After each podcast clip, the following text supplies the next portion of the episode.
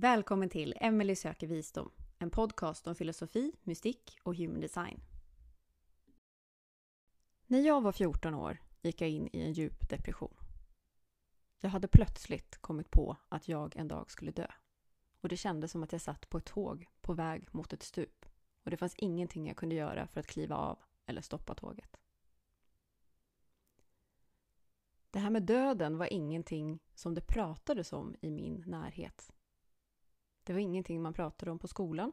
Det var ingenting man pratade om med familjen eller bland vänner. Det var liksom lite tabu.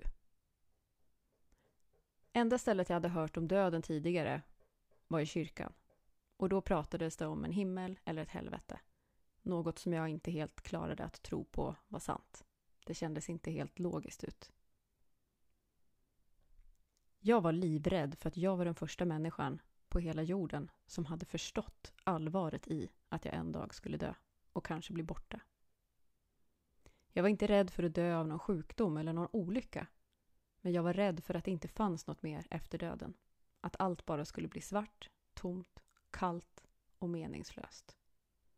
Min hjärna fick panik av att tänka på det. Den enda jag vågade berätta det här för var min mamma. Hon var kristen och sa att hon inte var rädd för att dö. Men hon tyckte i alla fall att jag skulle uppsöka en psykolog. Det vågade jag inte. Tänk om psykologen också skulle bli rädd när jag började prata om döden. Tänk om jag skulle sätta igång en slags masspsykos där ute i världen och att alla människor plötsligt skulle bli livrädda och få panik över sin egen död. Det var så illa att bara jag läste ordet död satte det igång frysningar och panikkänslor i min kropp. Eftersom jag inte ville gå till någon psykolog försökte jag hantera den här rädslan själv.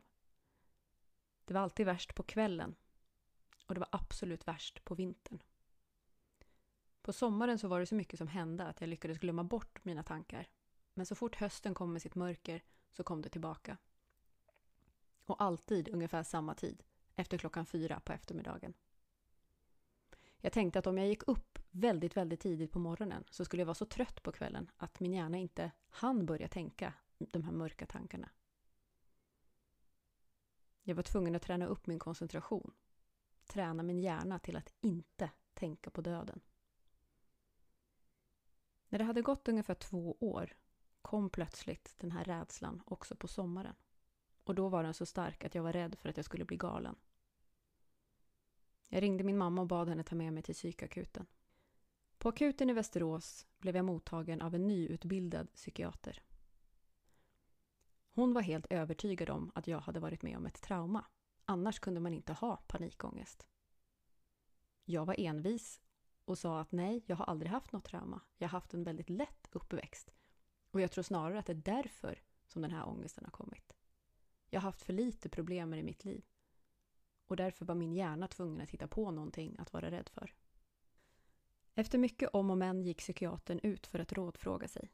Hon kom tillbaka med en bok, nöjd den här gången. Där kunde hon läsa att ja, man kan ha panikångest även om man inte hade haft ett trauma.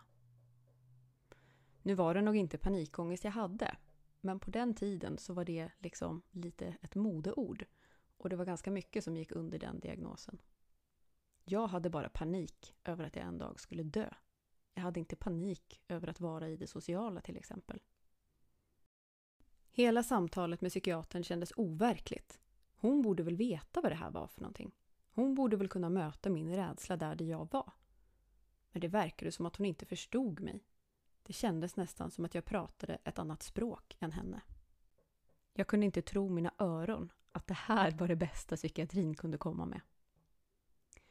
Men jag fick det som jag ville. Jag ville ha antidepressiva och jag ville ha piller mot paniken. Och det fick jag. Pillerna mot panikattackerna använde jag aldrig.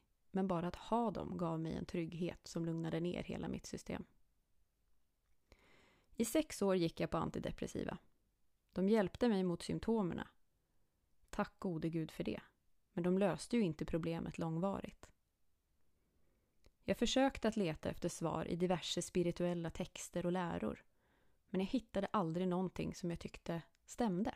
Det var alltid någonting som var fel och då förkastade jag hela läran.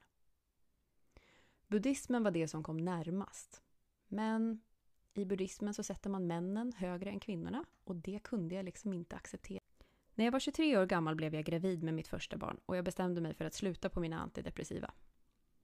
Det gick fint och med ett nyfött barn som snart blev två nyfödda barn hade jag så fullt upp att jag inte hade tid att tänka på död och meningslöshet.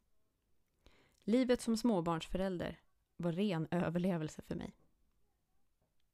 Men den fasen varade ju inte heller för evigt. Och när jag närmade mig 30 kom rädslan tillbaka igen. Två täta barn hade slitit ut mig totalt. Jag levde i en relation som inte var bra för mig och dödsångesten knackade återigen på min axel. Jag bestämde mig för att börja meditera och göra yoga. Det var ju många som ansåg att de hade hittat lyckan och nirvana genom meditation. Jag hade aldrig mediterat förut, så jag visste inte helt vad jag skulle förvänta mig. Första gången jag mediterade hände det någonting väldigt konstigt. Vi satt i en liten grupp på ett golv med en meditationslärare som skulle gå igenom de olika chakrarna i kroppen. Jag hade ingen aning om vad en chakra var. Jag hade hört ordet men jag visste liksom inte vad det betydde. Men plötsligt så började jag se inne i mig vad yogaläraren skulle säga innan hon sa det. De olika chakrarna lyste upp i klara och tydliga färger och visade mig hur de såg ut innan yogaläraren hade berättat om dem. Jag blev inte rädd, men jag blev överraskad. Rädd blev jag senare. Den samma natten, efter den här första meditationen, vaknade jag på natten och skulle på toaletten. Plötsligt lyste det upp som en pytteliten explosion i rummet. Och så en till. Jag gick på toaletten i alla fall och på väg tillbaka så sker det igen. Precis utanför badrumsdörren. Vad sjutton var det där? Jag lyckades somna igen, men nästa kväll när jag skulle lägga mig var jag livrädd. Och väldigt, väldigt glad. Jag hade äntligen fått ett bevis för att det finns mer än vad jag vet. Äntligen hade jag upplevt något utanför det som jag upplevde som en grå och meningslös vardag. De följande kvällarna får jag bevis så det räcker. Jag börjar se saker i rummet när jag ska somna. Former, figurer, geometriska former som jag aldrig har sett tidigare dyker plötsligt upp. Det är med skräckblandad fryd jag observerar mina syner. Jag förstår inte vad de betyder och jag är rädd för att jag ska bli galen. Jag är rädd för att mitt psyke inte ska tåla att förstå att världen inte är så som jag har blivit upplärd till att den är. Men jag är samtidigt otroligt glad över att den inte är det. De här upplevelserna gav mig hopp om att det finns mer. Jag kände också att kanske det finns någonting som är meningsfullt i livet, jag har bara inte hittat den. Här börjar min resa inåt, som blivit långt rikare än jag någonsin hade kunnat föreställa mig. Och när studenten är redo dyker också läraren upp, sägs det. I den här podcasten kommer ni att få möta människor som har betytt mycket för mig på min resa och som förhoppningsvis också kommer att ge er en smula ljus och vara en källa till undring i era liv. Vi kommer att gå in på teman som stoicism, human design, meningen med livet, upplysthet, religion och mycket, mycket mer.